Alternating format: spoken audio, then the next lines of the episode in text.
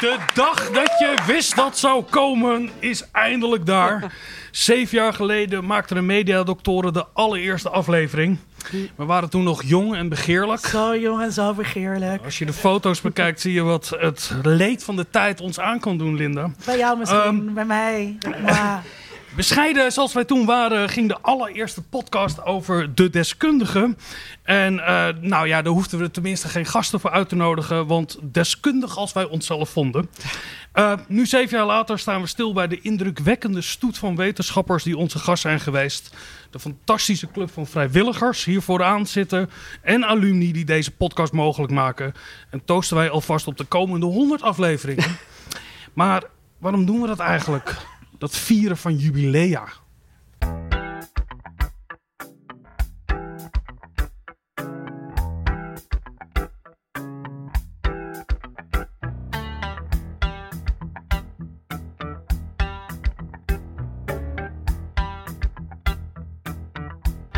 Vanuit Amsterdam is dit Onder Media Doctoren, de podcast waarin communicatiewetenschappers zich verwonderen over de media.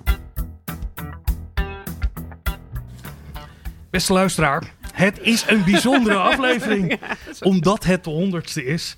Daarom zijn we live vanuit Sexyland. eh, met publiek, dus laat je even horen. En voor deze speciale keer mogen jullie ook vragen stellen. En eh, dat mogen jullie eh, doen eh, samen met Marijn. Eh, toch onze knapste vrijwilliger die we hebben. Fijn Marijn dat je er ook bent. Want jij hebt een microfoon, dus als je een vraag hebt, steek je hand op. En dan kan Marijn bepalen of het een goede vraag is. Ehm, straks praten we met eh, de gesneuvelde derde mediadokter. bestaat die dan echt? Wat is er toch van hem geworden? Ja, Eh, ook praten we met de koning van de podcast. Dat zijn niet wij zelf, maar dat is uiteraard Botte Jellema van de Eeuw van de Amateur. Maar allereerst, eh, nou, ik zei het al, waarom doen we dit eigenlijk, deze jubilea vieren? En dat doen we met eh, dokter, professor dokter Irene Stengs, hoogleraar antropologie van ritueel en populaire cultuur van de VU en onderzoeker bij het Meertens Instituut. en een van onze favoriete gasten. Absoluut, absoluut. Dat laatste dat is het belangrijkst. Eh, dat je een favoriete gast bent. Ja, maar we gaan nu wel bespreken of het eigenlijk wel zo zinnig is waarom we hier zijn Ja. natuurlijk. Goeie vraag. Ehm, welkom Irene. Ja. Eh, zoals altijd aan mijn zijde staat hier, maar je zit nu tegenover me. Mijn vaste mede-mediadokter, dokter Linda Duits. Gefeliciteerd met de honderdste, Linda. Jij ook gefeliciteerd met Ja, de dankjewel. Ehm, Linda, ik ken werkelijk niemand, en misschien zijn die mensen in de zaal die dat met me eens zullen zijn, die zo enorm gehecht is aan haar eigen verjaardag. Waarom vind jij dat ritueel van je verjaardag vieren zo ontstellend belangrijk? ja. Goeie vraag. Het is een beetje raar eh, dat je dat als vraag aan me stelt. Want je weet dat ik heel erg van aandacht hou. En daar draait het natuurlijk om. Het is gewoon aandacht. Aandacht. Ik, ik, ik zat te denken dat het een soort, soort, soort eh, een proef was voor je eigen uitvaart. Dat je denkt, wie zou er eigenlijk komen op het moment Ja, dat ik is, dood ben? dat is wel altijd inderdaad een soort testrun eh draaien. Maar eh, ja, nee, ja, ik vind het leuk om in het middelpunt van de aandacht te staan. En eh, sowieso, en met je verjaardag moet dat.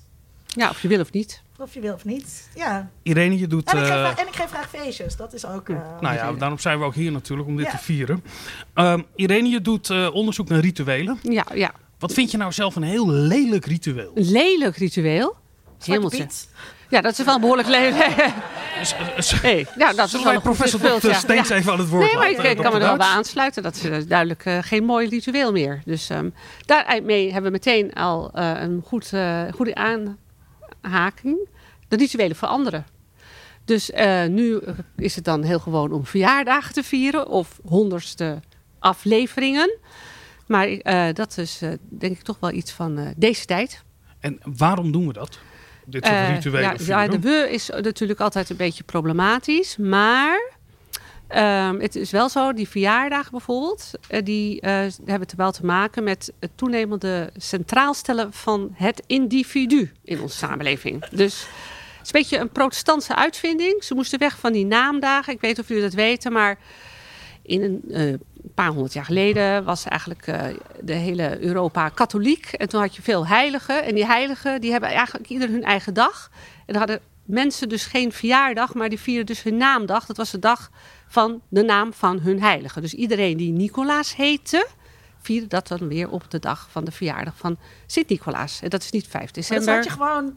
Had dus gewoon een soort Linda-dag. Li- De heilige Linda, juist ja. De heilige Irene, de heilige Vincent. et Ja, we kunnen het et even controleren. Mijn Ja. vader zit in de zaal en dat is een goed katholiek. Weet je wat je eigen naamdag is? Hans Johannes. Johannes Je zou het niet willen, willen weten. weten. Kijk, ja, ja, dus, dus het is, duidelijk dat de reformatie erin gehakt heeft. slecht katholiek eh, eh, hoor ik al. Eh, Maar, maar- sinds wanneer is dat, Irene, dat we verjaardag eh, vieren?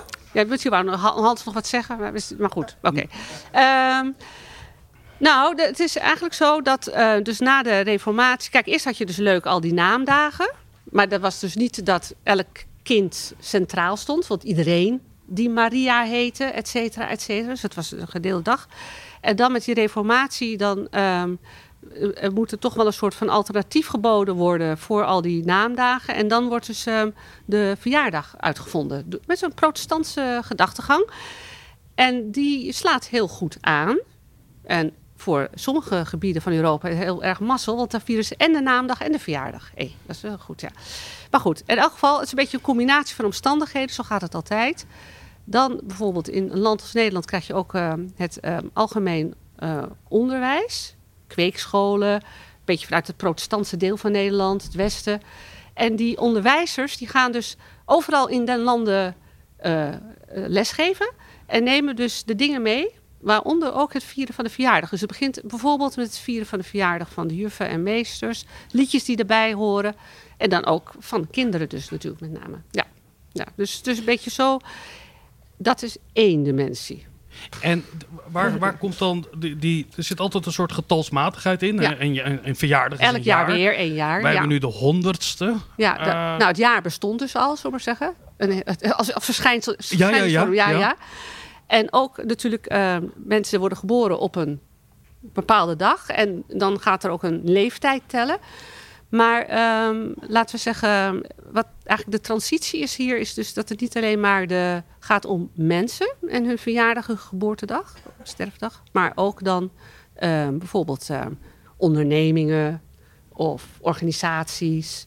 Of eh, ja, dus laten we zeggen meer maatschappelijke instellingen die dan ook, eh, als het ware, door eh, te zeggen van ja, we bestaan al 50 jaar, dan kan je daarmee zeggen, nou, dat is een belangrijke organisatie. Dus dat is dus een. eh, Maar universiteiten organiseren toch al veel langer DS en Ja. ook, ook jubileum. ja, ja, dus, en, ook, ja, en ook steden bijvoorbeeld. Dus het, de, dat zeggen dat idee van de tijd en dat dat belangrijk is, dat bestaat dus wel al langer.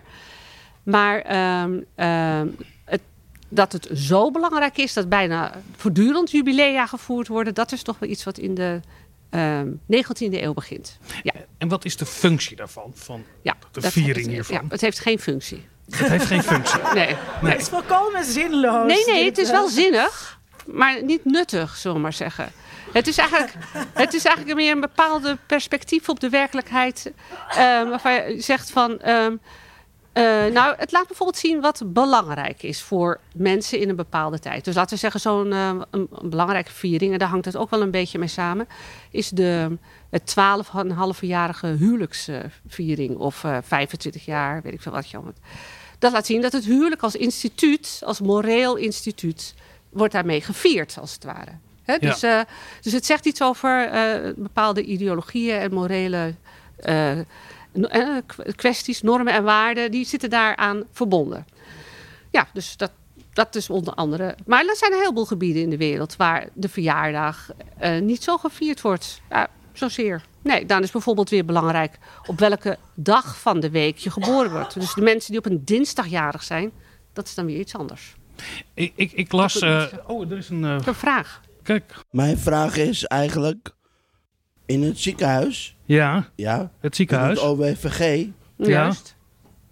eh, daar ben ik geboren, maar niet goed. Want de doktorens daar, Ja, die hebben de zuurstofflessen niet gevuld. Mhm. kijk.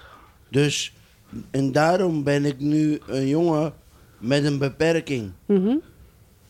Dus dat kan eigenlijk niet.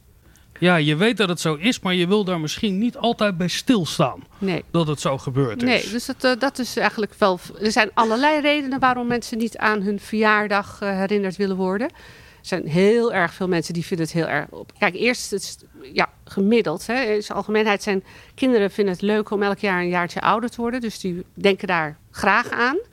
Maar op een gegeven moment schijnt er een omslag te zijn in de wereld.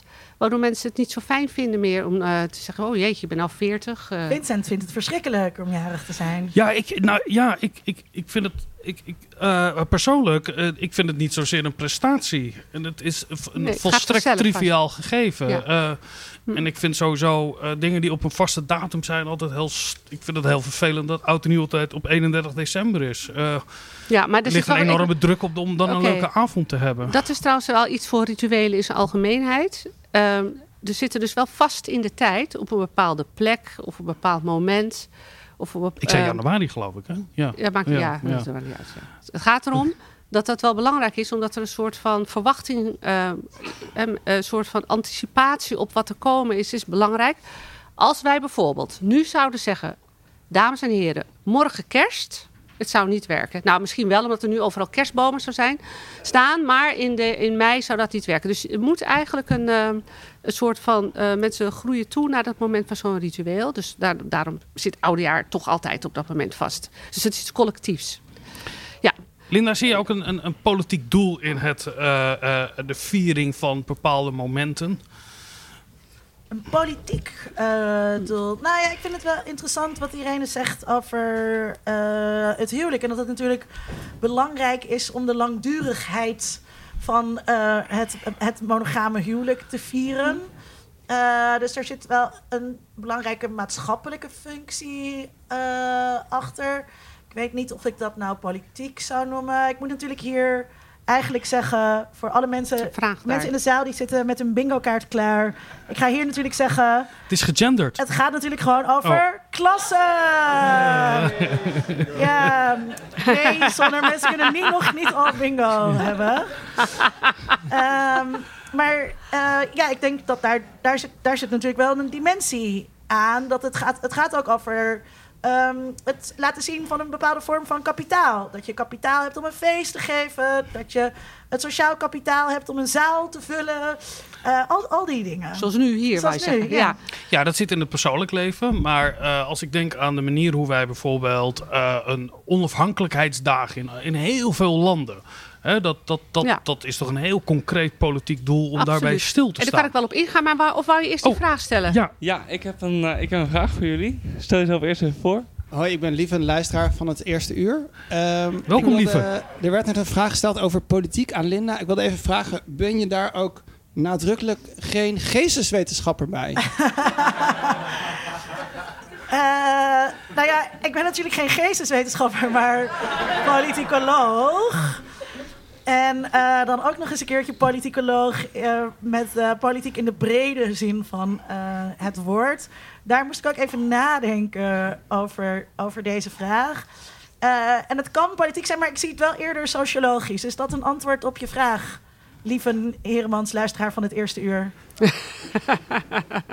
Die gaat is een, is een dankjewel. dankjewel. Jij wil wat zeggen over, Oh, over oh. onafhankelijkheidsdagen. Nou ja, ik weet bijvoorbeeld dat wij eh, de dodenherdenking die wij hebben... maar we zeggen pas- toch nooit, het is het, is het 16e lustrum van de dodenherdenking? Nou, nee. Dat, dat, dat hoor ik wel eens, dat we straks de 75ste Ja, ik wou zeggen, want dit jaar en, was echt eh, wel enorm aan, veel aandacht voor, de voor 75 jaar bevrijding, zullen maar zeggen. Dus, eh, en, en, ehm, dus het betekent het binnen dus het, het jaarlijks terugkeren van de dodenherdenking... krijg je dan weer een soort van fragmentatie van bepaalde momenten... die dan 75 jaar of eerst 50 en dan 75. En ik, ik eh, kan me herinneren dat ik las over de, van de eh, burgemeester van Arnhem... Die zei van ja, toen we de 50ste herdenking hadden gevierd, dachten we ja, dit zal het wel zijn. Maar nee, het is eigenlijk steeds belangrijker geworden, al, al die herdenkingen, al die ver- verschillende onderdelen van het herdenken van het beginnen, het aflopen, bepaalde slagen van de Tweede Wereldoorlog. Dus je ziet eigenlijk dat het helemaal niet verdwijnt. Dus en dat is, waarom komt dat? Waarom wordt dat steeds dat is- belangrijker? dat is- ja, nou, dus in dit geval is dat natuurlijk wel een interessante vraag. Waarom is eigenlijk die Tweede Wereldoorlog, terwijl die op een bepaalde manier steeds verder weg is, met steeds minder mensen die hem nog daadwerkelijk hebben meegemaakt, eh, eh, ja, zo'n eh, belangrijk eh, punt om te herinneren? Dat is eigenlijk een hele grote vraag waar niet één antwoord op is. Hè? Dus dat, ja, ik weet niet of we daar. eh, maar waar het op neerkomt, want dat was een andere vraag, of het gaat over herinneren. Kijk, het enerzijds is, is herinneren je, je je persoonlijk leven en de momenten daarin. En die kan je dan vieren. Nou, klassiek is natuurlijk het vergeten van de trouwdag en zo. Maar ehm, als het gaat om het collectieve herinneren... eh, daar zijn eigenlijk bijna alle uh, nazistaten eh, heel goed in. Om, of althans zeggen, niet alleen nazistaten, maar... Ja, eh, in elk geval zou je kunnen zeggen dat wereldwijd worden eigenlijk op allerlei plekken bepaalde gebeurtenissen gedacht. En dus dan doet het er vaak helemaal niet meer toe of, die, uh, of mensen erbij zijn geweest of zich dat letterlijk kunnen herinneren. Maar, want dat collectieve geheugen wordt overgedragen via rituelen. Dus die rituelen die maken, omdat iedereen daar in het lichamelijke bij betrokken is, dat, die, dat dat collectieve geheugen als het ware gemaakt wordt. En daar worden dus mensen in gesocialiseerd. Daar worden, horen bepaalde gevoelens bij, emoties. En uh, die, kunnen dus, die zijn dus heel wezenlijk en overdraagbaar. En die zeggen dan iets over bijvoorbeeld uh, over een samenleving. En wat belangrijk is, bijvoorbeeld dan als het gaat over de toenemende uh, belangstelling voor herdenkingen rondom de Tweede Wereldoorlog, zou ik kunnen zeggen dat bevrijding, het idee van vrijheid, dat, hè, dat wordt ook heel erg vanuit uh, het 4 en 5 mei-comité en, en ook de overheid, de regering, wordt dat als het ware overgedragen. Tegelijkertijd laat het ook zien dat er kennelijk een onzekerheid is, zou ik willen zeggen, een soort bedekken van een angst over uh, dat die, uh, wat het zou betekenen als dit vergeten zou worden. Dat is natuurlijk wel ook heel interessant. Ja. Zijn er eigenlijk nieuwe uh, herdenkingen gekomen in, in, in, in, in, in de afgelopen decennia? Oh, er, komen, er komen voortdurend herdenkingen bij. Nou ja, de honderdste van onder media doctor. Ja, ja, we, we, blijven tellen. Ja. Ja, ja, kijk, op die fiets zijn er dus wel heel erg veel bijgekomen. Want het alles telt maar door. Maar als je bedoelt op nationaal niveau, ja. dan zou ik zeggen, de MH17 is wel de, langst, uh, de laatste nationale ramp die nu uh, herde herdacht wordt. Maar je ziet ook dat ook daar weer, even in verband met het tellen, uh, nou ja, natuurlijk de eerste herdenking, de tweede, dan uh, was het al zo bij de derde, waar eigenlijk minder mensen betrokken. Maar dan de, het vijfde jaar was weer een soort van jubileum. En dan is er weer extra aandacht voor. En toen is er ook een monument onthuld. Dus het is dat monument, dat die, uh, dat die uh, ribbon van bomen. Ja, Oké, maar goed. En dan is het maar de vraag, en dat hangt er dus van af, want je kan niet in de toekomst kijken, of deze gebeurtenissen zo zijn dat ze voor altijd en tot hoe lang worden overgedragen. Het is natuurlijk wel zo dat alle nabestaanden hierbij betrokken blijven, maar dan nog hebben die zin om elk jaar met collectief om zoiets te doen. Het is maar de vraag. Wat is, de rol, wat is daarin de rol van de media? Want um, ik, die media werken natuurlijk ook heel erg volgens een soort uh, issue-agenda. Ja. En die weten gewoon, oké, okay, binnenkort is het weer uh, zoveel jaar geleden dat ja. Pim Fortuyn doodging. Dus Absoluut. we gaan een documentaire weer uitzenden. Ja. Dat zij dit ook, um, dit vuurtje warm houden, terwijl misschien het helemaal niet zo heel erg uh, bottom-up is vanuit de bevolking. Ja, ja, dat is denk ik ook zo. Uh, als, uh, daar, als uh, voorbeeld is dan eigenlijk Theo van Gogh. Want dat was dit jaar, 2 november, 15 jaar geleden. En dan zie je dus inderdaad, media hebben van alles klaar liggen. Het, nog een keer hoe het allemaal gegaan is. En dingen over Van Gogh hemzelf. dus een hele scala van onderwerpen. Dus dat leest iedereen dan op een bepaalde manier komt dat tot in. Maar, dus, maar ik ben zelf dus als uh, onderzoeker dan bij de herdenking geweest in de. En in de Linnéestraat en in het uh, Oosterpark bij de Schreeuw. Ja, daar staat nou, anderhalve man met een paardenkop. Is misschien erg bescheiden uitgedrukt. Maar het stelt.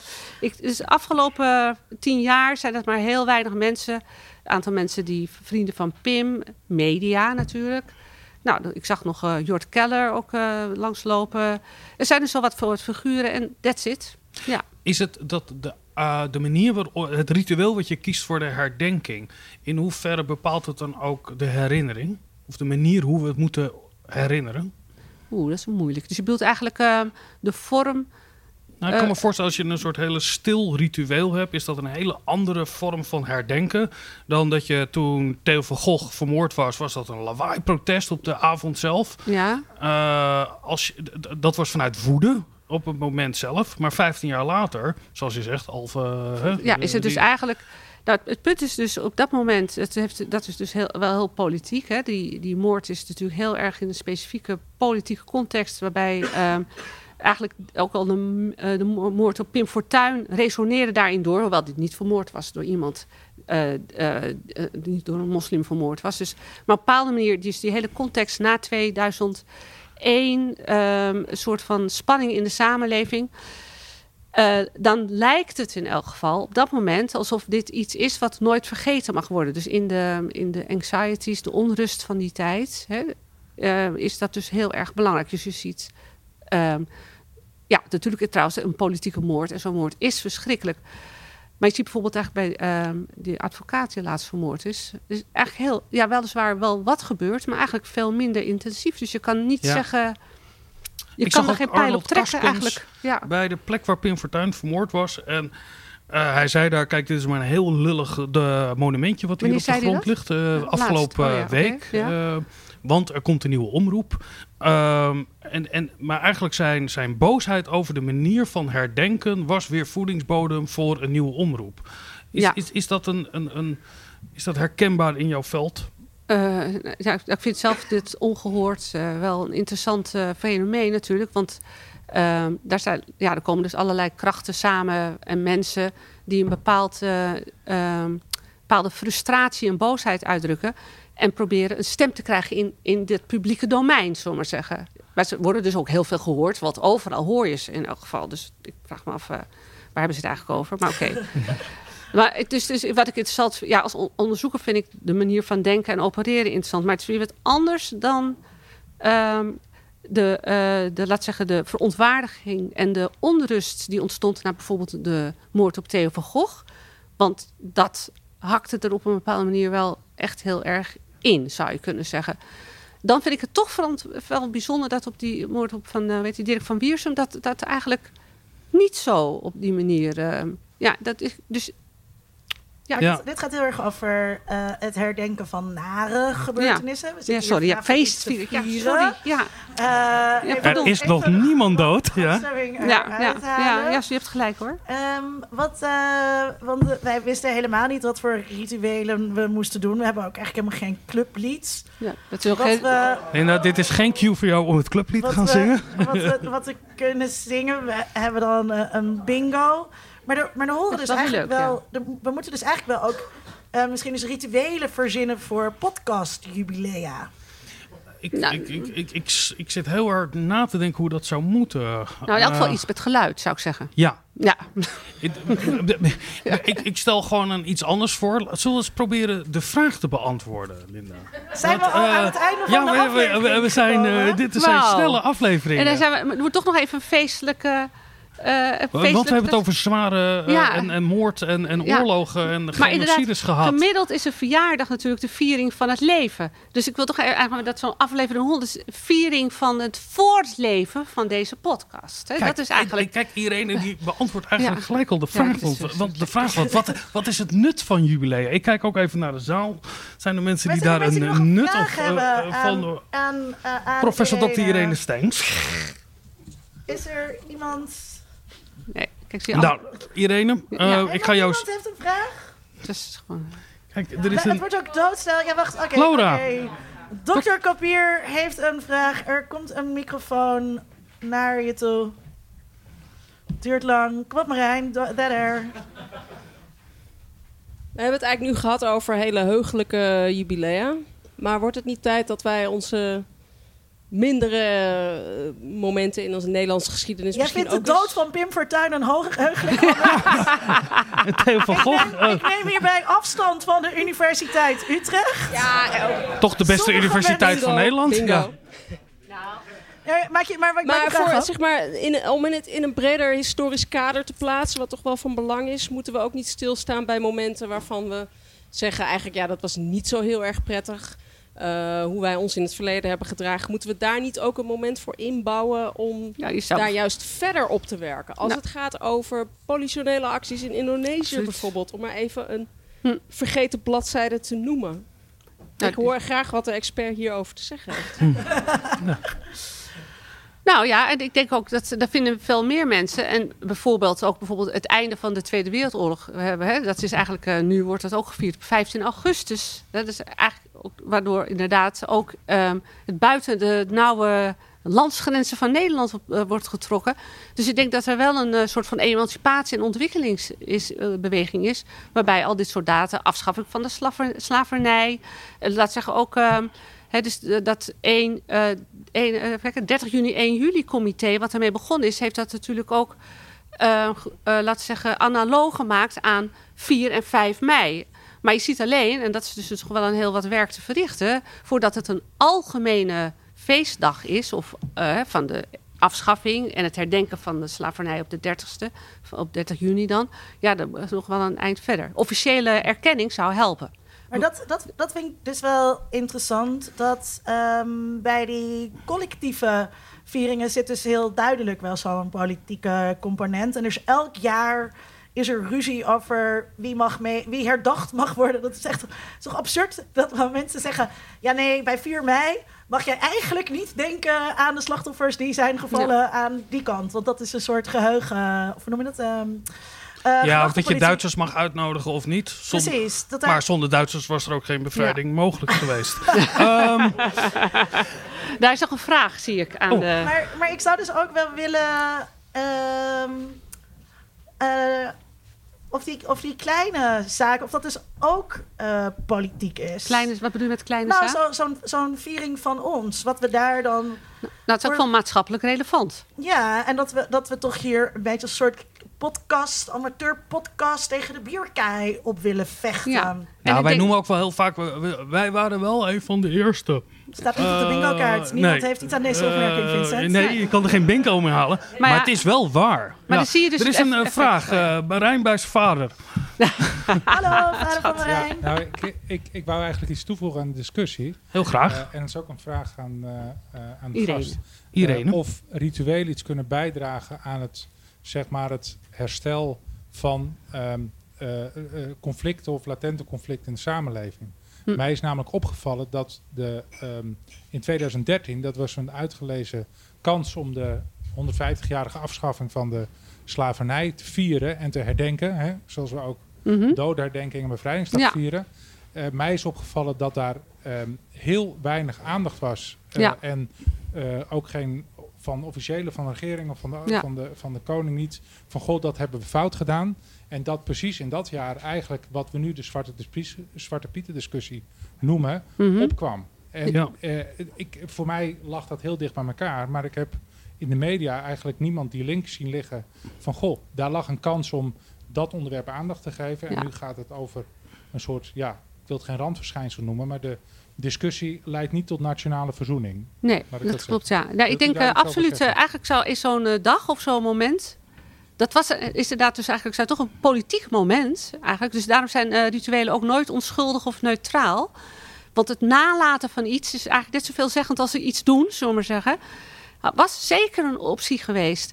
En, dus, en het feit dat daar gewoon eigenlijk niks over gezegd wordt, het geen topic is, dat zegt wel iets over waar een groot deel van Nederland of de Nederlandse politiek eigenlijk mee bezig is in zijn hoofd. In elk geval niet hiermee. Het is eigenlijk een soort van irrelevant. En ook eigenlijk de hele ehm, eh, versnelling die nu de Zwarte Pieten discussie eh, heeft. Trouwens, die discussie is wel begonnen al in eh, 1929 hoor, trouwens. Eh, Zo lang. En dus de hele consensuspolitiek die ook lang geprobeerd is te volgen, die werkte gewoon niet. Hè. Dus je kan echt wel zeggen, op een gegeven moment houdt het op en daardoor wordt hij nu wat eh, harder gevoerd. Maar, de, ehm, maar goed, het laat dus eigenlijk zien dat rituelen ehm, echt momenten zijn waarop ehm, mensen zich kunnen laten horen door er tegen te zijn of juist ergens iets te supporten. En dat kan dus inderdaad verzoening brengen. En dat was een het is jammer als je geen scherp eh, eh, overheid of geen scherpe regering heeft of, pa- of partijen die dat proberen aan te grijpen. Of ook trouwens ook heel veel ver- eh, eh, eh, ja, verdeeldheid eh, brengen. En dat, ja, dat zien we dus eigenlijk altijd, zou ik willen zeggen. En dan wil ik nog even toevoegen, want dit is vast zo afgelopen, want die ander- iemand anders komt. Wat, wat mij dus dan treft zo, is dat we nu... eh, Ik, ik weet of jullie, behalve naar mediadoktoren, ook wel eens naar het, bijvoorbeeld de televisie kijken. En dan zie je dus eigenlijk dat hele, dit De hele jaar... echt over, wat een- wat voor Televisie, televisie. Dat, eh, dat de viering van dat Rembrandtjaar. Dat is dat je echt, het is toch niet, is het gelijk wel grenzeloos. Ja, dus die held van Nederland, de natie. Hè, dus de- dat is trouwens echt begonnen in de 19e eeuw met het Rembrandtsplein en dat beeld en zo. Maar eh, dat echt alles, maar dan ook alles uit de kast wordt getrokken om Rembrandt te vieren. En hoe goed we ze, eh, hier hebben in Nederland. En zijn geboortehuis en dit en dat. Dus het is echt wel, dat is eigenlijk op een subtiele manier echt eh, Ik een hoor soort een van pleidooi om het nationalistisch. Rembrandtsplein weer gewoon de koemarkt te maken. Dat was het geloof ik oorspronkelijk. Het is, wel, Ja. het is wel typisch, want eh, Ja. ik weet niet hoe het met jullie zit, maar geen van mijn vrienden was bezig met eh, Rembrandt. Met dat Rembrandt. Ik hoor het nu ook voor het eerst. Ja. Nee, maar het is dus, Ja. nee, maar het is dus nee, maar ik vind dus, het is jammer dat we dus niet de hele, eh, eh, dat we niet gewoon anderhalf uur met iedereen kunnen praten, maar ik vind dus die sturende rol die de media daarin aannemen, eigenlijk heel absurd. Ja, het is, maar, maar zo zie je dus eigenlijk hoe. Het is niet zo dat het allemaal met, met vlaggen en zo is. Maar het is interessant. Het is een soort van heel subtiel eh, nationalisme. wat op die manier uitgedragen wordt. En natuurlijk, prachtige dingen, daar gaat het helemaal niet om. Maar er zijn grenzen. Ja. Ja. Ja, Rembrandt, leuke schilder. Ja, nee, nee, ja, ja. Ja. Linda, we gaan afronden. Wat is het, wat, wat is het nut van afronden, we jubilea? gaan dit- we gaan- Nou ja, we gaan gaan- dit gedeelte dus, er was dus afronden. geen nut. Was- nee, het, nut is, het nut dat wij hier zitten met deze mensen is gewoon een feestje te geven. Dat vind ik leuk. Nou. En, dat is, en dat is wat leuk is. En dat brengt mensen samen. En op het moment dat je mensen samenbrengt, kan je allerlei andere dingen met mensen gaan doen. Want je kunt identiteiten gaan smeden. Eh, en eh, als je identiteiten smeedt, kan je die mensen vervolgens allerlei dingen laten doen. Zoals wij onze kinders vanavond van alles laten doen. Ja, ja. Irene, ik ga, ik ga straks jou het laatste woord geven natuurlijk. Eh, ja. Maar ja, ik, ik denk dat... even het woord geven. Ja, nou, dat, ik, ik, ik, ik, ik kom wel uit de geesteswetenschappen. En wij zijn dol op dingen die geen nut hebben. Ja. Je bent bij Eh, communicatiewetenschap gepromoveerd. Hoe vaak moet ik dat zeggen in deze Ja, ja dat, dat, dat, dat, dat- dit is, Heel nuttig iedereen heeft zijn zwarte bladzijde in zijn leven. Ehm, nee, de, de, de, de wereld wordt mooier door onnuttige dingen te doen. Eh, dat vind ik wel een nut van, van het vieren van Echt, jubilea. echt een geesteswetenschappelijke opmerking. Irene, Ja. Aan jou het laatste woord. Wat is het nut van het vieren van jubilea? Ja, ja, eh, ik, ik zei het is heeft niet echt nuttig. Het is niet als het glaskabel aanleggen of iets anders. Het is meer, maar het is wel zinnig. Want daarmee zie je eigenlijk wie er eigenlijk allemaal een beetje bij horen. En dan kan je dus identiteit smeden. Ik zou zeggen snode plannen. Ehm, het heeft ook het gevoel dat je dus niet een beetje in de wereld staat, eh, maar dat het ergens bij hoort. En ehm, ja, ehm, dat, er dus, eh, dat er dus weerklank is. Ik denk dat dat het is voor een deel. Ja, maar het- is ook veel politieker, maar ja, gaat veel te ver nu. Irene? Bedankt. Dankjewel Graag dat gedaan, je leuk. deze aflevering Veel dank. luister wilde Ja. bijzetten. Ik had ook en eh, ik weet 100% zeker dat we je heel graag nog een keer uitnodigen. Dat we wel weer anderhalf Ja, uur leuk, hebben. ja. En als ik dan de vijf, vijfde keer kom, dan heb ik een jubileum. Ja, Ja, en dan kunnen Ja. we dan vieren. Ja. dan maken we er gewoon vier uur lang van. Dat lijkt me hartstikke goed. Dankjewel. Ja, merci. Dankjewel, Irene. Botten, waar Botte, ben kom erbij. Kan een van de kinders ondertussen bier halen voor Dr. Duits? En dokter Kronen. En voor Sunner, Soner, Soner. Sa, Se... Hoe heet, die, hoe heet die redacteur nou precies? Ik vind het een beetje... eh, Dat moet je nu wel weten. Dat... ehm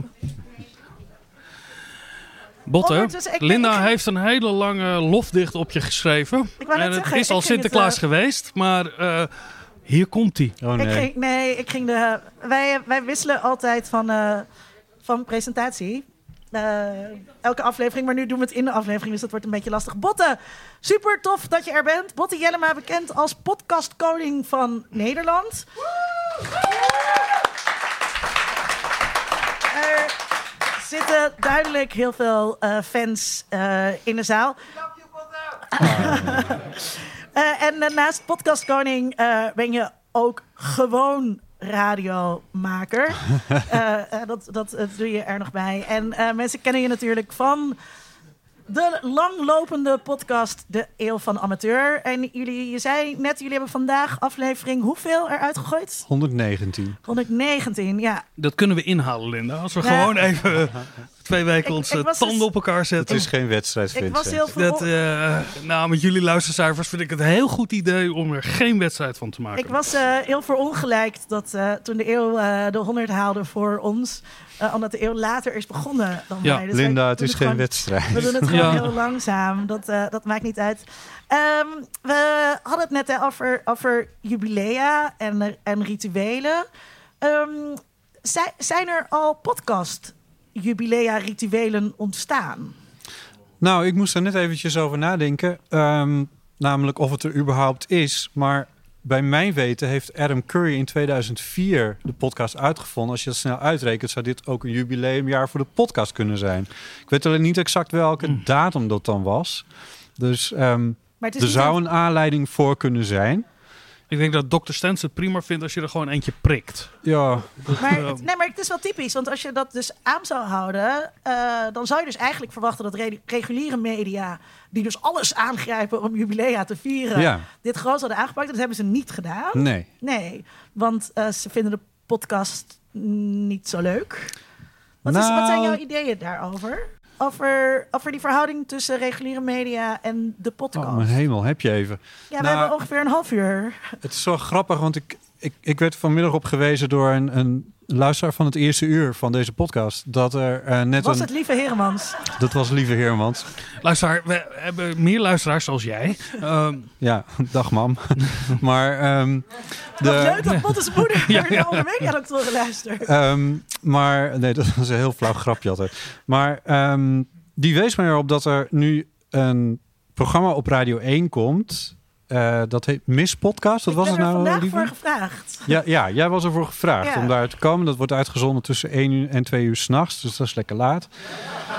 Ehm, en eh, ik bedoel... ik ideale timeslot voor Linda, ja. Ja.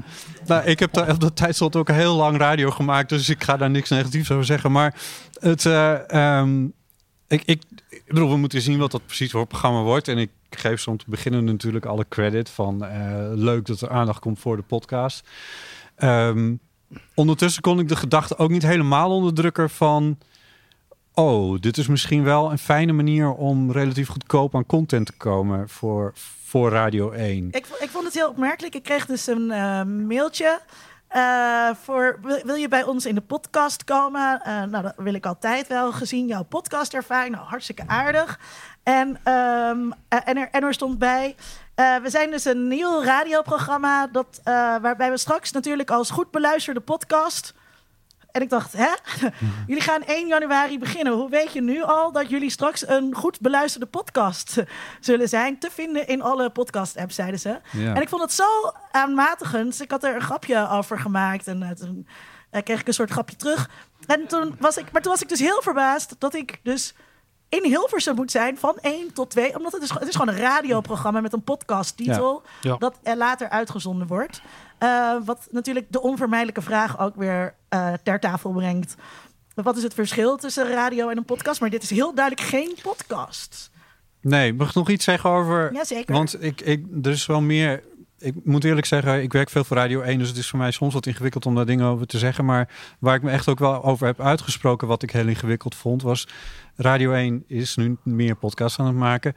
Eh, en eh, met enthousiasme hebben ze in het voorjaar gezegd... nou, we gaan er nu ook echt voor. En toen dacht ik, oh, dat is leuk, want de podcastwereld... dat is echt een wereld waar we met z'n allen het doen. En op het moment dat mediadoktoren heel succesvol is... nou, dat profiteert de eeuw van amateur, amateur ook een beetje van, dat et hebben we wel gezien, ja. Ja, dat, eh, ja geen dank, eh, Botte. Dus als Radio 1 dat ook doet, dan, is het, dan helpen we elkaar, eh, Ja. zeg maar. Dus dat, dat leek me heel erg leuk. Wat deden ze toen? Vervolgens verschenen er advertenties in mijn Instagram. Gewoon betaalde advertenties van publieke gelden, maar dat tezijde. ehm met de beste podcast. Luister je op, op, in de Radio 1-app. Ja. En toen dacht ik, nee, nee, dat, dat misschien, dat zou kunnen, maar het hoeft niet. Toevallig stond Brand in het Landhuis toen heel lang op Radio 1. En als je dat dan op, eh, op de, de, in de hitlijst op 1, dus als je dat dan als beste beschouwt, nou, dan klopt dat wel ongeveer. Maar het is natuurlijk een gesloten systeem. Want in de app van Radio 1 staan alleen de podcasts van Radio 1. Dus als je de beste podcast wil beluisteren, dan moet je juist niet in de app van Radio 1 zijn. Dus ik vond dat wel ingewikkeld. Ehm, En, en, en ik vond het ook ingewikkeld dat ze zich zo toch nog weer, weet je wel, wij zijn naar Radio 1 en dan zetten we ons toch nog even zo met al ons grafische en, en marketinggeweld zetten we ons nog weer eventjes... dissociëren we ons van de rest van, de, van podcastland. Dat Ja. vond ik toen heel jammer. Ik dacht van, nou, dit hoeft Maar dat is niet. natuurlijk wat, wat machtige media altijd doen op het moment dat er uitdaging komt vanuit een nieuw medium of vanuit andere spelers op de markt.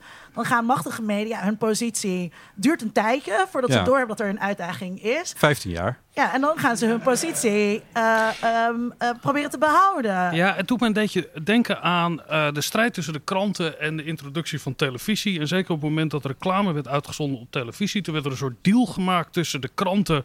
Want die hadden ook dat verdringingsdenken. En dat waren natuurlijk eh, vrije ondernemingen. En hoe moet dat dan met een betaald? En de deal was dat de eerste reclameblokken van Ster waren alleen maar voor kranten. Die mochten dan gratis adverteren in het Sterblok. Dat heette toen niet zo, maar eh, op, de, op de televisie. Dus je ziet dat er altijd een soort verdringingsgedachte ontstaat op het moment dat er iets eh, nieuws komt.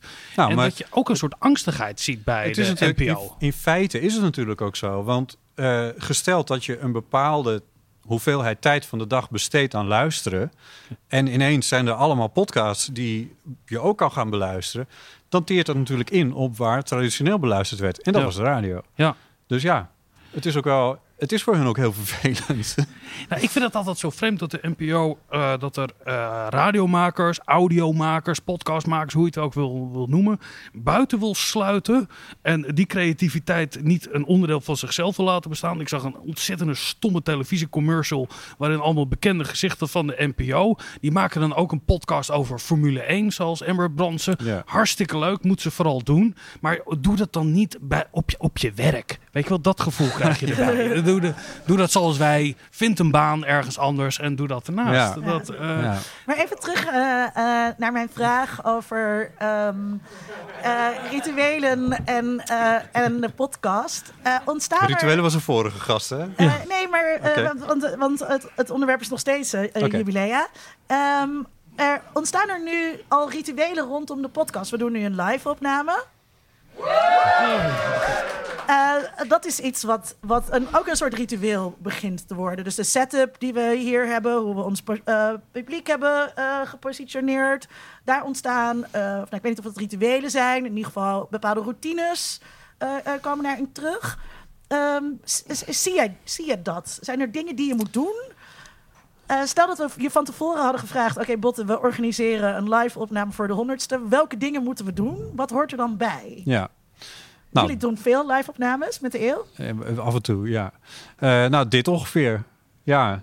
Nee, maar ik denk dat je. Ik denk dat je. Ik denk dat dat wel waar is, maar daar komt ook wel weer de ou- Want als je nou een live radioprogramma hier zou maken, dat zou niet veel verschillen van hoe het er nu hier uitziet. Had je dat al even netjes beschreven voor de luisteraar die niet zit te kijken toevallig? Staat het op de bingo? eh, dat er iets gedaan wordt wat de luisteraar niet kan zien? Nee, hè? Staat niet op onze bingo. Ah, nou, ja. nee. nou, we Maar- zitten in een soort jeugdhonk. Het is eh, een soort apres-ski hut is het eigenlijk. armaturen Ja. met, eh, met blacklight erin. Dat doet me erg denken aan mijn jeugd in Friesland. Ja. Alle wanden en vloeren zijn met zeil bekleed, wat me een beetje angstig maakt voor de andere feestjes die hier worden gegeven. Ja, en, dus ik denk niet dat, eh, want even terug bij. We eh, zijn in Sexyland trouwens, ja, eh, dat, ja, maar dat had je hopelijk al wel gezegd, toch? Weet ik niet. Uh, maar goed. ehm, ehm, die, de, hoe je zo'n live ding maakt. Kijk, ik denk technisch gezien, of hoe het er qua locaties uitziet, dat is misschien niet zo heel erg interessant. Maar wel hoe je dat organiseert met je publiek. Wat, wat ik bijvoorbeeld bij een live radioprogramma op locatie vrijwel nooit heb gezien, en ik heb er echt wel een aantal gemaakt, is een, micro, een microfoon, een redacteur met een microfoon die de zaal in gaat. Terwijl dat bij podcasting is dat heel normaal. Het is bijna raar als je het niet doet. Ehm, dat het publiek zich wat meer mengt door en zich ook laat opjutten door jou, Linda, als jij je handen zo een beetje zo omhoog doet. Eh, dat, dat zou je bij radio misschien ook niet zo snel hebben of zo. Ehm, nou, hoewel ik zit ineens te denken, dit is dan dit, dit, dit is gesproken woord. Misschien bij iets als het glazen huis of zo, wat dan meer vanuit ehm, ehm, eh, eh, muziekmedia, hoe zeg je dat? Muziekstations gaat of zo. Ik heb daar geen verstand van. Maar daar is het misschien wat gebruikelijker dat het publiek wat inter- zich interactiever opstelt. Ja, spijkers Ja. met koppen moet ik gelijk aan denken. Wat Oh ja, zo'n ja, ja, zo'n ja. kroegsfeer Ja. heeft. Ja. Eh, Wat heb jij het idee? Zijn, zijn eh, er mensen trouwens nu die eh, iets eh, willen participeren? Die iets willen de- denk erover na, dan heb ik een vraag Ja, voor Botten. Er is, er niet is een luisteraar van het eerste uur.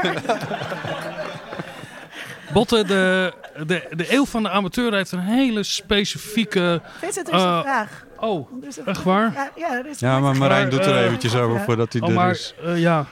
Wat een lange kabel het, heb eh, Marijn. ja.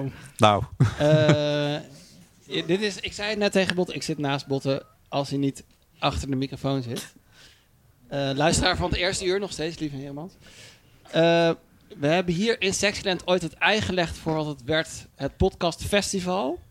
Inmiddels een traditie in de podcastcultuur in Nederland. En wat er altijd eh, essentieel bij is, zou ik willen zeggen, is silent disco koptelefoons. Die mis ik nu een beetje. oh En ja. Dat is heel belangrijk voor de podcast ten opzichte van de radio. Maar misschien kan Botte daar iets over zeggen. Het doet Ja. me heel erg denken aan wetenschappelijke conferenties. Dat er eigenlijk nooit echt een vraag uit de zaal komt. Maar dat iemand zegt, weet je waar ik zelf heel veel van af weet? Ja, Nou, maar Lief heeft wel een punt. Want dat is inderdaad wat we bij Deel van Amateur af en toe ook hebben gedaan. Maar het kost wat geld om dat voor elkaar te krijgen. En dat is er lang niet altijd. Dat hebben wij besteed aan drank. Ja, dat is natuurlijk ook een hele goede manier om re- publieksreacties te krijgen. Nee, maar om een soort intieme sfeer te creëren... eh, die je als luisteraar eh, thuis of in de auto of in de trein... of waar dan ook met je oortjes in hebt... kun je dat live, zou je dat kunnen... eh, hoe heet dat? Simuleren door eh, draadloze koptelefoons uit te delen aan je publiek. Silent disco koptelefoons worden daar echt heel vaak voor gebruikt. Dat hebben wij ook wel gedaan. Eh, en dat is, ja, ik weet niet of dat onderdeel is van het ritueel van een live podcast opname. Maar dat zou er onderdeel van kunnen zijn. Ja. Ik, ik, ik vind het wel... eh, die spanning, zeg maar, tussen inderdaad de live opname... Ik vind het heel intiem dat jullie hier nu allemaal zijn. Ehm, maar tegelijkertijd ook heel anders dan wanneer we opnemen zonder publiek. Want dat is eigenlijk toch wel echt intiemer als je... Ja, nou, eh, je het- creëert het ook een. hebt dat je echt bij de Nu heb ik ook helemaal. Nu voelt die luisteraar die dit, die dit dus Ja. straks luistert, voelt nu heel ver weg van mij, omdat je nu heel erg zit te performen voor dit live publiek. Ja. Nou, wat ik, dit is de honderdste, eh, beste luisteraar. Toen wij ooit begonnen, eh, toen zaten we in een studio en er zaten ook lampen. En ik voel nu veel meer zoals we ooit begonnen.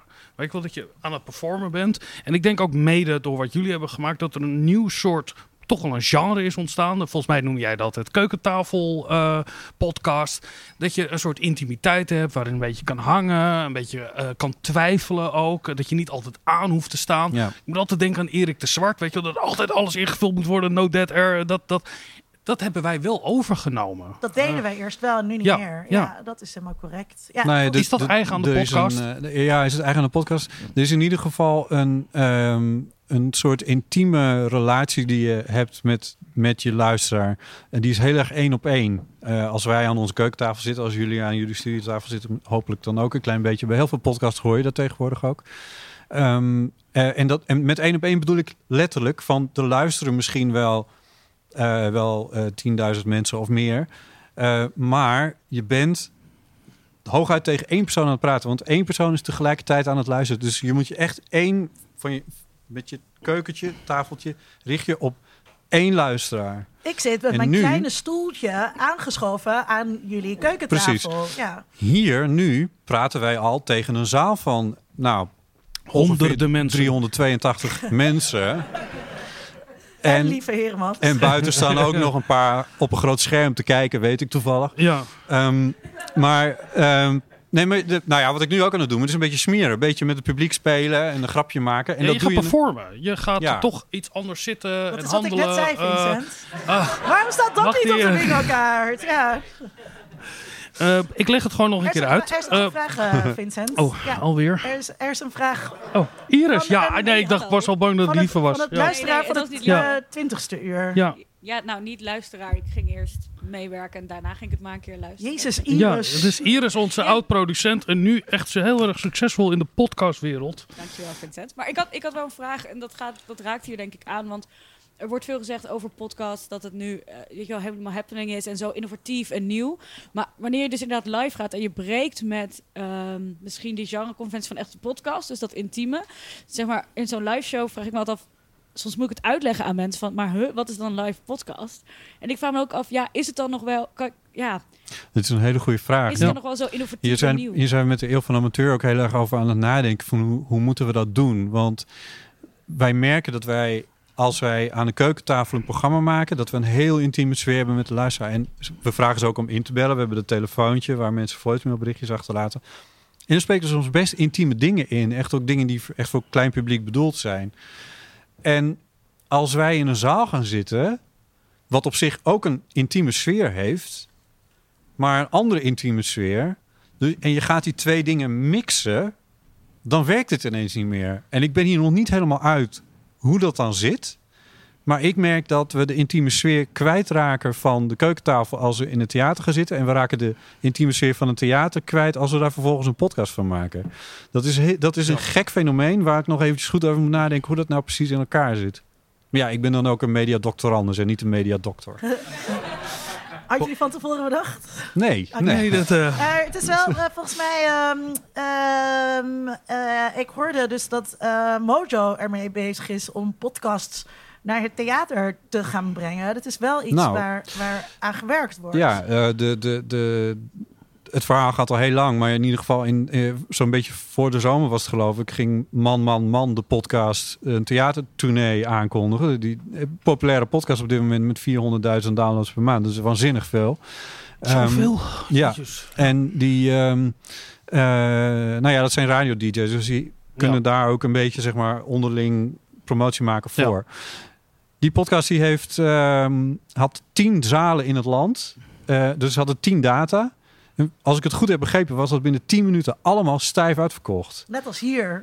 Ja, maar ik, ik, ik, jullie doen ook dat soort live Maar waar- dingen. maar waarom is nee, nee, dat nee, Linda, zo? Linda, Linda. Die, die, die intimiteit die jullie aan tafel hebben, dat maakt het natuurlijk ook heel erg aantrekkelijk als jij die luisteraar bent om daar een keer bij te mogen zitten. Ik denk het wel. Ik denk Ik- dat je dan wel zin het hebt. idee dat je daar even Ja, bij mag zijn ja, dan. Ja, Maar ja. waarom, waar, wat, wat is die intense of immense popula- populariteit? Dat vind ik toch best wel heftig. Nou, van man, man, man kan ik dat niet per se begrijpen zelf. Met alle respect. Maar ehm, dat, is, dat is echt heel dodelijk. Met alle respect dat is echt, echt... eh, ja. Met alle Nou, respect, maar ik ja. vind je een klootzak. Nou, nou ja, goed. Weet je, nogmaals, als zij heel succesvol zijn, dat trekt ook nieuwe luisteraars naar podcasting. Man, man, man luisteren niet naar ons hoor. Maak je Nou ja, je, je staat soms te kijken van overlappende Venn-diagrammen. Maar het is, het is, het, ik vind het leuk dat dat dan zo populair wordt. Ehm, je vraag was... Ehm, waar- hoe dat toch kan dat het dan toch zo eh, populair is om eh, naar het theater Ja, te gaan. als ik dat nou een heel- andere intimiteit is dan andere, andere ervaringen is. Nou, kijk, ik heb dat ook wel uitgelegd gekregen van iemand die bij eh, zo'n boekerskantoor werkt. En die zei: De theaters, de Nederlandse theaters, hebben in de, nou wat is het, zeg maar, afgelopen, wat zullen we zeggen, 10, 20 jaar hebben ze bijvoorbeeld heel veel cabaretiers geboekt. Maar echt elke cabaretier. Iedereen die ook maar een beetje een grapje maakte, die werd daar al podium op gestuurd en dat verkocht uit. Daar zijn we een beetje zat van geraakt. En toen bedachten eh, th- theaterboekers van, maar wacht even, we hebben nog veel meer hele interessante mensen. Ik denk dat een van de pioniers, ja, je zou het misschien niet willen horen, maar ik denk dat dat toch Maarten van Rossum is geweest. Die ook echt met Van de beste universiteit van Nederland. Ja, die met, eh, die ja, met zijn ja. colleges eh, eh, de, eh, de theaters introk. Ja. En daar een hele stoet aan, aan andere mensen die ook wel eens op een podium stonden. Een beetje weten hoe je een PowerPoint doet, et cetera. eh, ook het theater mee in zijn gegaan. En nu zijn er, eh, is er weer een groep mensen die op zich redelijk bekend zijn met het fenomeen in de microfoon praten en een programmaatje opzetten. eh, met af en toe ook een grapje en een leuk dingetje tussendoor. Met al een eigen publiek. Ja, dan vinden theaterboekers vinden dat wel dat interessant. wordt lucratief. Ja, Ehm, denk ik. Botte, eh, ter Ja, afsluiting. lucratief, maar in ieder geval, ja. Nou ja, goed. Ja. Ehm, waarom hebben jullie de honderdste van de eeuw niet groots gevierd met een feest in Sexyland? Ehm, Of waarom waren wij niet uitgenodigd in ieder geval? nee, dat was een bescheiden aflevering in die zin dat we dat eh, met het eh, kernteam van de Deel van de Amateur hebben gedaan. Paulien Cornelissen was er bij Ipe Driessen en ondergetekende. Ehm, gewoon aan mijn keukentafel. Dat leek ons eigenlijk ook wel leuk. Ik heb van tevoren wel over nagedacht of we dat dan groter zouden doen.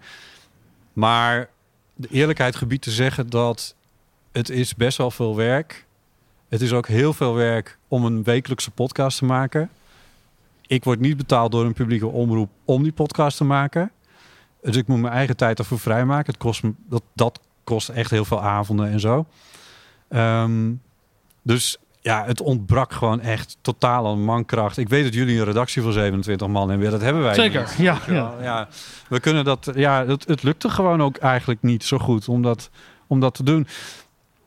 En ja, ach ja, jubilee, ja. ja. nog, eh, nog één ding, want dat had ik in het draaiboek opgeschreven. En dat moet ik toch vragen.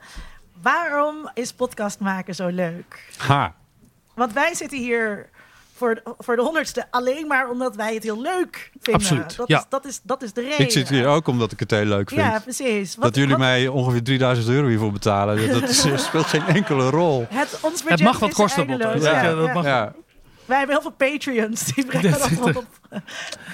Ja, weet je, Linda, maar dan moet ik eigenlijk ook een beetje teruggaan naar mijn oude baantje. ik weet dat heel op de bingo kaart Bijna, bijna. Maar ehm, eh, dat is radio maken. Daar ben, zo ben ik begonnen. En ik bedoel, ja, dat gaat, als je me daarop ver gaat dat helemaal terug tot 27 MC-bakjes in mijn jongenskamertje. En met cassettebandjes spelen en tekstjes inspreken, muziekjes opnemen en al die ik deed dingen. dat dus ook eh, als kind. Het is zo ontzettend gaaf. En ik vind, ik, ik bedoel, ik ben, ik ben echt zo diep gepassioneerd over het medium radio en audio en alles wat je daarmee kan doen. En ik vind het zo leuk om daarmee bezig te zijn. En ik vind het leuk om, ik vind het ook leuk om op het podium te staan, zoals hier nu voor mensen te praten en een grapje te maken en af en toe hopelijk iets zinnigs te zeggen. Ehm, maar zeker omdat met meerdere mensen die dat ook leuk vinden, om dat samen te brengen. Ehm, en om dat dan te publiceren en dat er dan mensen zijn die dat dan ook nog echt naar gaan luisteren. En we maken met de eeuw behoorlijk wat minuten. eh, en die worden allemaal beluisterd. Ehm, ja, dat, dat bedoel, ja, ik weet niet, daar leef ik voor. Ik vind het gewoon ontzettend leuk. Ik kan het je niet precies vertellen wat dat is, maar ik vind het gewoon, het, het, het geeft bij mij een beetje een soort, soort, ja, het geeft me zin voor mijn leven, laat ik het zo zeggen. Ja. Dankjewel, Botte. Botte, ja. Dankjewel.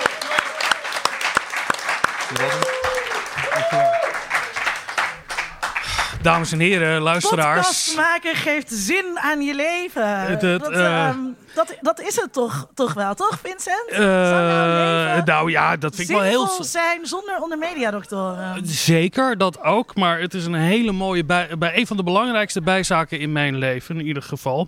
Eh, weet je nog, ooit, vroeger, zeven jaar geleden... Lang, lang, lang geleden. dat we een gesprek hadden met onze collega. En toen hadden we het erover, laten we... Was dat dan laten bij we, laten we, mediastudies? eh, of was het bij communicatiewetenschap? het was bij communicatiewetenschappen. Vraag ik voor de bingo-kaart. Ik moet ook niet trouwens zeggen dat het op de bingo-kaart staat. Nee, dat is heel flauw. allerslechtste- Ja. Allerslechtste. Oh, hij was al genoemd. En, Ah. en er was luisteraars en ook mensen in de zaal. De, eh, er was een clubje van mensen en die hadden allemaal de ambitie om een proefschrift te schrijven. En in dat clubje eh, zat Linda Duits. Daar zat ik zelf, maar daar zat ook Chris Alberts. En we hadden het de hele tijd over media. En toen zeiden we ooit, misschien moeten we het ook eens een keer gaan maken. Zo is het echt niet gegaan, Vincent. Chris, Alberts, wat fijn dat je er bent. Is er! Mediadokter. Chris, fantastisch dat je er bent. We zijn weer compleet. We zijn weer compleet. Ja. Ja. Wat fijn dat je er bent, Chris. Chris, Ja. Zet de leuk. Hoe voelt het Ja. om weer zo met ons aan Nou, tafel ik te zou nog zitten? een keer langskomen om jullie, eh, want ik was natuurlijk eerst weggelopen en toen zei ik... Je bent ik weggelopen. wel- Kijk, daar ik echt het. Serieus is al een tipje ja. van het mysterie die hier eh, opgelost Ehm, wordt. ik voel me ook zeer schuldig, maar jullie konden het alleen. Ehm, Oh, je hebt de mij. kinderen losgelaten die eh, was konden uitvliegen. jullie- ik, ik kon het niet zonder jullie. Jullie konden het wel zonder mij. Dat is ook echt zo. Ehm, ik wilde wel een keer terugkomen om nog een keer over de waterschapsjournalistiek Ja, met daar hebben we het praten. Dat Die hebben staat nog niet, Ja. steeds op onze payroll. niet, eh, dat ja, jullie niet. ja. Nee, maar Chris, Ehm. Chris kan jij vertellen eh, eh, naar deze leugens van, van Vincent? Hoe is het gegaan? Weet je, dat, weet je dat nog? Hoe wij ertoe zijn gekomen om onder mediadoctoren te beginnen? Nu valt een Ik hele... weet het eigenlijk, ik weet het eigenlijk niet. Ik weet wel dat jij dat heel graag wilde. Dat weet ik wel. Nee, ik weet wel dat jij het heel graag wilde. En ik, zei, en ik weet dat Vincent zei dat hij het niet alleen met jou wilde maken. En Ja, dat is waar. Ja. Ik er dan Ja. ook. In mijn Ja. herinnering is het echt heel anders gaan. Nee, zo ging het wel. Oké, Oh. Ten eerste, het was eh, toen we al lang gepromoveerd waren. Het was niet... Ja, maar we kenden elkaar daarvoor. Maar we hadden dus al een proefschrift af, Oh, allemaal. Ja. ja, maar dat is voor, de, voor, de, voor het verhaal minder goed. Nee, maar dat is, nee, Ja. dat is dus Oh, juist... we waren al doktoren, ja. Ja, Ja, dus dat is dus juist wel goed. Dus we zaten niet meer bij elkaar verplicht in een PhD-club. We, wa- Ja. we kwamen vrijwillig bij elkaar. En volgens mij was het zo... eh, dat eh, jij wilde graag iets met televisie doen. Jij wilde Dat eigenlijk wil ik een nog steeds. maken. Ja, dat wil ik nog steeds. Ja. En dat was het idee, maar... ehm, en dat vonden we allemaal eng. En Vincent, die luisterde toen al podcast, want het jaar is 2012. Ja, Sommige van onze bezoekers waren toen nog niet geboren. ja we, hebben, we hebben medewerkers die toen nog eh, in de luier zaten. Dat, ja. eh, en, eh, dus jij luisterde de podcast, Vincent, en jij zei: nee, maar dan is het minder eng als we dan een podcast maken, want dan hoeft het ook niet live. Ja. Dat was ook belangrijk. En toen hebben we het besloten. Is dit een leugen? Volgens mij is het niet waar. Volgens mij klopt het. eh, het- Volgens het- mij is het Chris, vertel eens jouw versie van Mijn- deze mijn geschiedenis. Moeten we is de hoogleraar jou- herinneringscultuur Ja. erbij roepen? Mijn, mijn herinnering is, is dat jij het heel graag wilde. En dat ik er een beetje bij hing. Dat was een beetje. Ja, maar Chris, dat heb je altijd. Ja, dat dat heb ik gevoel. altijd. Dat klopt. Ja. Dat, dat is jouw zo. herinnering, Ja, maar dat ja. is ook Klopt. Maar dat is niet waar. Nee, Jij maar mocht gewoon wel- iets vinden toen. Nee, maar wat ik wel, Ja. wat ik wel me Ook- heel goed herinner is dat wij een keer op cursus zijn geweest. Ja, maar dat kwam later. waren- nee, dat klopt dat is wel waar, Ja. maar dat zei wel iets over hoe het ging. En toen stonden we bij al die knoppen en zo. we gingen en op het was radiocursus heel bij ingewikkeld. Salto. Ja. Het was super ingewikkeld en je moest een certificaat halen, want dan mocht je die studio huren. Zoiets was het. Ja. En dan had je die technicus niet nodig, het was dan goedkoper. En jullie snapten dat meteen. Ik stond erbij en ik dacht, ja, Nou, het, eind- het Het leuke einde van dit verhaal is dat wij daar gratis mochten. Want wij waren, hoe heette dat ook alweer? Eh, premium, content. Ja, Ja. dat eh, klonk eh, heel goed. Ik deed dat in mijn beste Engelse accent overigens, voor de bingo kaart. Oh. Ehm, Niet zeggen dat het voor de bingo oh ja, kaart nee, is. nee.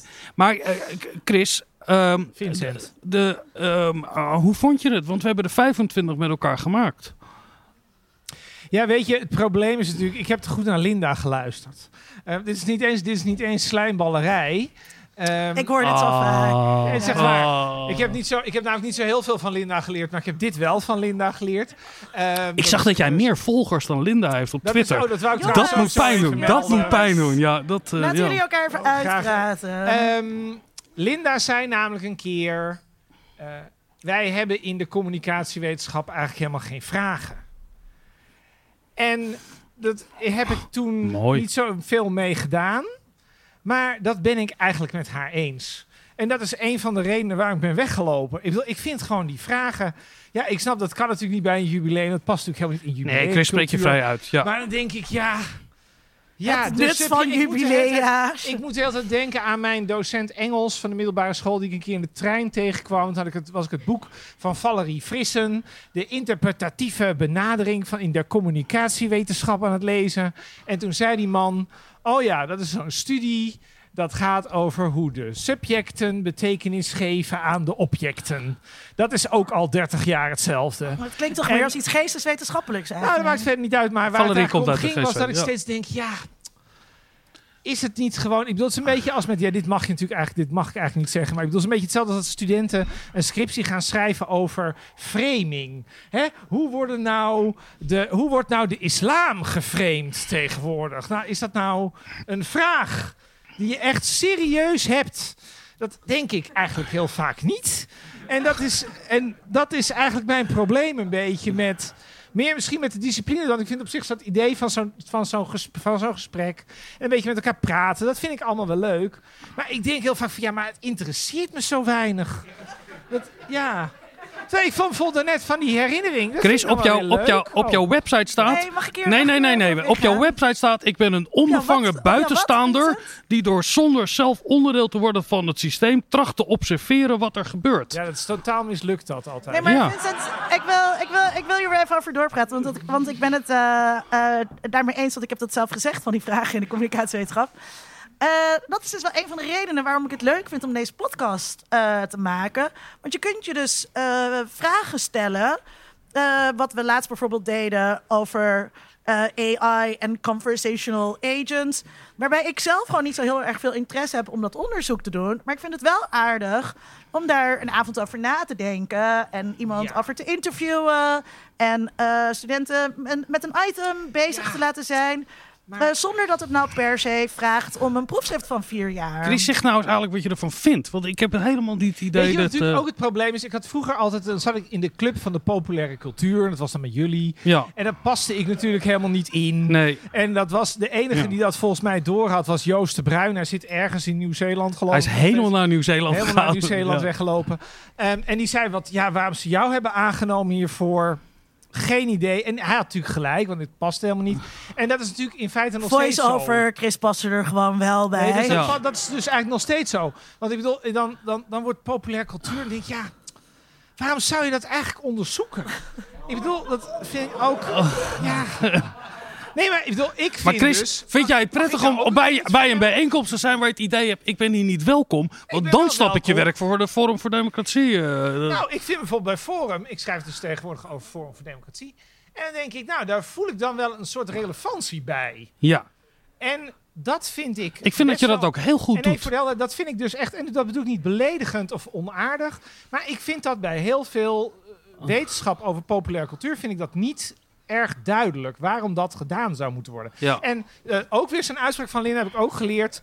Eh, dan moeten wij, dan hebben, leren wij de mensen in het eerste jaar dat zij moeten opschrijven wat de maatschappelijke relevantie van het onderzoek is. Terwijl we dat eigenlijk zelf ook denken, ja, het is gewoon helemaal niet maatschappelijk relevant. Dat doen we gewoon omdat we dat altijd doen. Ehm, en ja, dus het is ook een soort leugen, zeg maar. Dat we elke keer moeten doen alsof het allemaal heel maatschappelijk relevant is. Terwijl ik wil juist wel iets doen wat maatschappelijk relevant is. Ja. Waterschapsjournalistiek. Dat is heel belangrijk.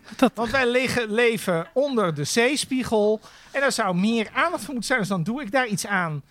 Het, het, Chris, het is wel mooi dat geschiedschrijven. Ik had een heel ander idee waarom je ermee gestopt bent. Dat, maar dat, dat, dat is toch mooi dat je gewoon de relevantie je- van onze wetenschap eigenlijk gewoon zegt. Jullie maakten eh, net dat grapje. Jullie maakten net van dat grapje van... de- Even, maak dit even af. mag Heel kort, eh, Oh, wat, eh, ja? alleen maar. Hm.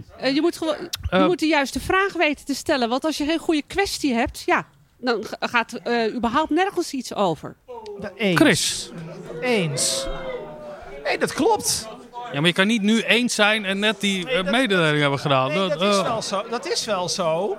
Er Maar ontstaat tumult in de zaal. Maar mijn vraag blijft toch...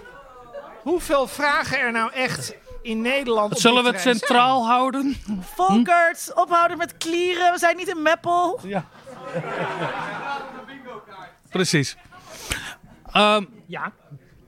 Het, het, het, het- er ontstaat wat tumult. Linda, dokter Duits, zo even geconcentreerd dit eh, gesprek. Het, het verbaast me, Chris, dat je eh, zo... Het, het klinkt alsof een soort, soort, soort, soort, soort afscheid is van het nest waar je uitkomt.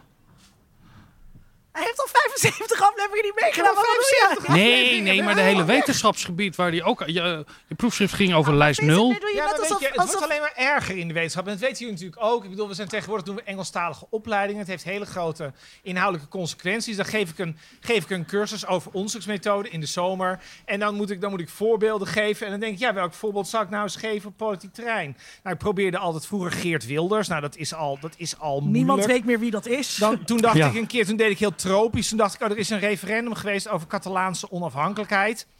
Nou, niemand slaat erop aan. Dus ik praat tegenwoordig heel erg over Trump. Dus ik ben ontzettend blij met Trump, want iedereen weet wie Trump is. Maar ik wil, mensen ik wil even, over. hoezeer ik het ook leuk vind om te meanderen, wil ik toch Oh, even, ja. wil ik, eh, toch Oh. even terug, wil ik toch even... We hadden nog een draaiboek. Iemand, iemand in de zaal roept, mooi woord. Dat is duidelijk iemand die nog nooit naar een podcast heeft geluisterd. Bedankt daarvoor. Ja. Maar eh, eh, nee, ik wil even terug naar, eh, naar het begin van Onder Media Doctoren. Want, eh, want daarvoor eh, zitten we hier. Ehm, hoe... ehm, want want eh, je doet niet meer mee. Maar hoe kijk je erop terug? Of hoe, wat, wat vind je van de inzet van, eh, van, het, van het Medium Podcast om eh, wetenschap bij een luisteraar te brengen? Ik luister op de gang, ik ga even naar het flat. Oké. Ja, oké, ja. Ehm, ja, heb jij het idee... Kijk, jij doet dat nog echt. Ik bedoel, jij bent echt serieus daarin. Ik bedoel, jij doet echt een poging om nou ja, wat we dan academisch doen, zeg maar, om dat dan nog bij een soort publiek te brengen. Ik bedoel, ik doe dat dus helemaal niet. Ik bedoel, ik noem mezelf dan maar journalist, want dan heeft het een naampje en is het duidelijk. Dus ik doe geen enkele, ik doe geen enkele poging om eh, wetenschap breder aan de man te brengen. Maar ik vraag mij altijd af, dus er komt er een wedervraag nu. Heb jij nou het idee dat dat nou lukt? Dus ik bedoel, jij doet dat. En met veel, met veel verven en charme, bla bla bla, slijm, slijm, slijm. Maar ik bedoel, breng je nou ook echt daar iets dan van over? Ik vind het namelijk echt, ik vind dat vind ik nou, nou trouwens, dat klopt, goede vraag stellen. Dat vind ik nou een goede vraag. Heeft dat nou zin? Zijn er nou mensen in Nederland die nou meer te weten zijn gekomen over de communicatiewetenschap? Door wat jij in brede zin doet, want jij doet het op allerlei plekken. Lukt dat nou? ik heb geen idee. Ja, ik zou toch wel eh, willen zeggen van ja, want er zijn steeds meer mensen die naar Onder Media Doctoren luisteren. En Onder Media Doctoren is eh, nog steeds een heel erg wetenschappelijk geïnformeerde podcast. We zijn echt een wetenschapspodcast. En blijkbaar vinden mensen dat leuk om te luisteren. En eh, eh, wat, ik, wat ik denk dat we doen, is we hebben een vraag. Want we werken vraaggestuurd, want dat vinden we leuk. Ehm, en, en, en zo kom je wel iets te weten. En ik moet. Ik, ik leer er zelf dus ook elke keer van. Eh, dus dat, dat is al waardevol. Eh, en de luisteraars ook. En eh, we hebben een fantastisch team van redacteuren. Die, die, die erbij zijn. En daar krijg je ook heel direct feedback van. Dus we, we, als we klaar zijn met een aflevering, dan vragen we aan hen: wat vonden jullie ervan? En dan hebben ze er soms dus iets van geleerd. En, en ik, ben, eh, ik ben in hart en nieren een docent. En ik vind, ja, ik vind dat. Ik geloof dus dat het Nou. werkt. En, eh, en op het moment dat het werkt, dan, dan vervult dat ook mijn hart met ja, maar wat ik nou zo jammer vind, want ik bedoel, kijk, ik kan mij nog steeds, er is natuurlijk maar één aflevering die wij ons allemaal kunnen herinneren. Dat is namelijk de eerste. Dan hebben wij niet gezegd wie wij waren, schijnt. Ik heb hem zelf nooit terug durven luisteren. Maar we begonnen gewoon te praten en het ging over de deskundige. En daar kwam Ja. iets heel goeds uit. Namelijk, dus in die zin ben ik dat met je eens. Daar kwam volgens mij zoiets uit als: eh, je bent deskundig als je er leuk over kunt lullen, maar niet per se dat je er veel van weet. Als je een goed verhaal kunt Ja, vertellen. Ik gebruik verhaal- het nog steeds in mijn eh, workshops En wetenschapscommunicatie. dan denk ik, maar misschien is het natuurlijk gewoon veel te groot, veel te groot doel. Dat snap ik wel. Dat is natuurlijk heel naïef van mij. Maar dan denk ik, het zou zo fijn zijn als wat meer mensen die conclusie dan op zouden pikken. Ja, maar wat, wat, Ja, wat, dat wat van. Ja, ja, dat idee is. natuurlijk Ik mij denk dat dat altijd, eh, eh, ik werk aan een universiteit. En maar je wilt toch ik, helemaal niet dat mensen de conclusie oppikken? Je wil dat mensen mee, de meegaan, samen meegaan met erover nadenken. Mensen snappen dat ze gewoon de hele tijd een hele hoop gelul zitten te luisteren. Nee, ze moeten Nee. zelf gaan nadenken over dat gelul. Ze moeten niet overnemen wat wij ervan vinden. Ze moeten niet de conclusie overnemen. Nee, ze moeten tijdens eh, de podcast zelf vragen stellen, zelf dingen gaan bedenken en meegaan in dat verhaal. Niet dat eindproduct, maar het proces. Kijk, we beginnen vanuit verwondering. Oh ja, dus, dus we hebben niet. We, het- het is niet een, een, een. We gaan de luisteraars eens vertellen hoe het zit met jubilea of met AI of alle andere Nee, 99 maar je onderwerpen. toch- ja, maar dat vind ik dus heel En wij- wij- wat je wij- nou zegt. Ja, maar wij pretenderen net iets betere vragen te kunnen stellen als Ja, iemand die dat. dat helemaal eh, niet inzit. En dat is eigenlijk het doel van wat we doen. En Ja, ik, maar ik vind dat dus een beetje weinig. Ik bedoel, ik zit dan, dan toch wat hiërarchischer in. Misschien werkt Ja. het daarom ook niet. Ik zou toch zeggen, jullie hebben ik kan je ook nog herinneren in de jullie PhD-club betere- bij iedereen. Wat is het nut hiervan? Ja, dat zat je toen al. Dan denk Ja. Ja. jij net ook, hè? Wat is het nut van Ja, jubileum? maar nu heb je iets besproken. Dan denk ik, nou, nu hebben we hebben kennis toch een antwoord? opgedaan. Dan moet de kennis verspreid worden. ja. Nou, daarom zetten we ook ja, dit. Dat werkt. Ik, dus dit- ja, ehm, dat is het probleem. Ik, eh, ik herinner me dus e- even om het wat op een positievere noot te Ja, doe brengen. eens even positiever. Ik herinner me dus uit die pionierstijd, toen we net begonnen, dat we nog altijd, dan hadden we een onderwerp bedacht. En dan gingen we de taken verdelen. Eén iemand presenteerde, één iemand deed het interview en één iemand deed wat zegt de wetenschap. en dan hadden we bijvoorbeeld een onderwerp en dat was dan sport.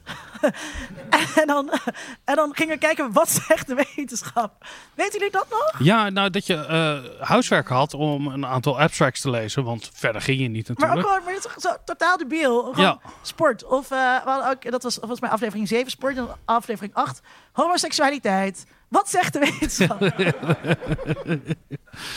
Ehm, ik- ja, dat is een er, is, vraag. er, is, nog, nee, wacht, wacht. eh, Oh, je had geen vraag, Oh, inderdaad. Nee, Nee, nee, we- dat is niet waar, Irene. We hadden altijd, eh, we hadden altijd wel een vraag, ook, ook daarbij. Maar bij de, bij de sectie Wat zegt de wetenschap was de vraag Wat zegt de wetenschap? Eh, ja, dat was, eh, dat, dat, was heel, eh, dat was heel knullig. Ja, ik wou dus echt gewoon wat mooie herinneringen ophalen. Ja. Maar het was ook heel leuk.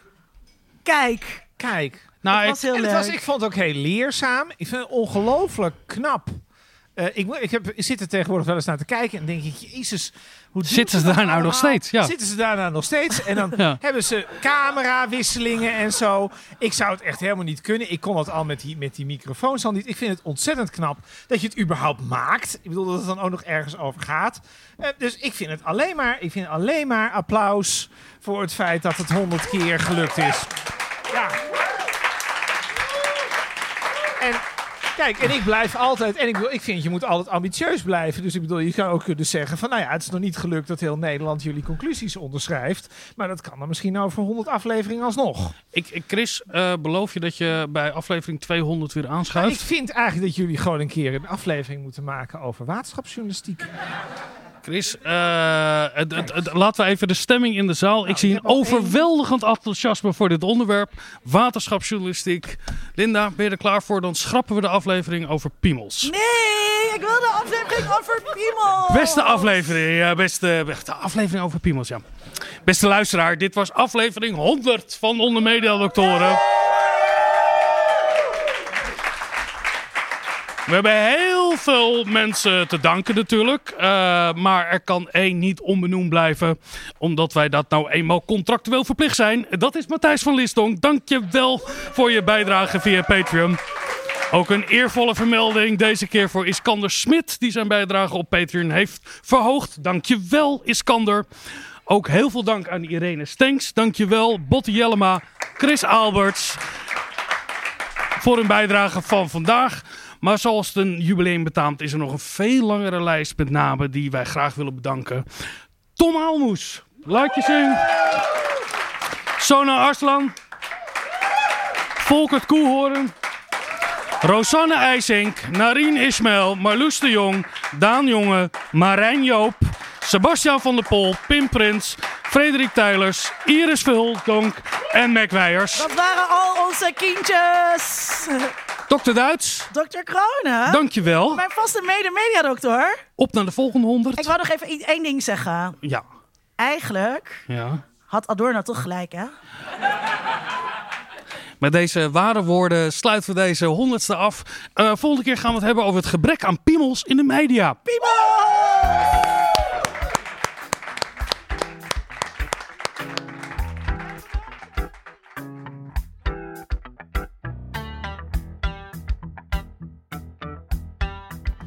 Mediadoktoren is een podcast van Vincent Kronen en Linda Duits.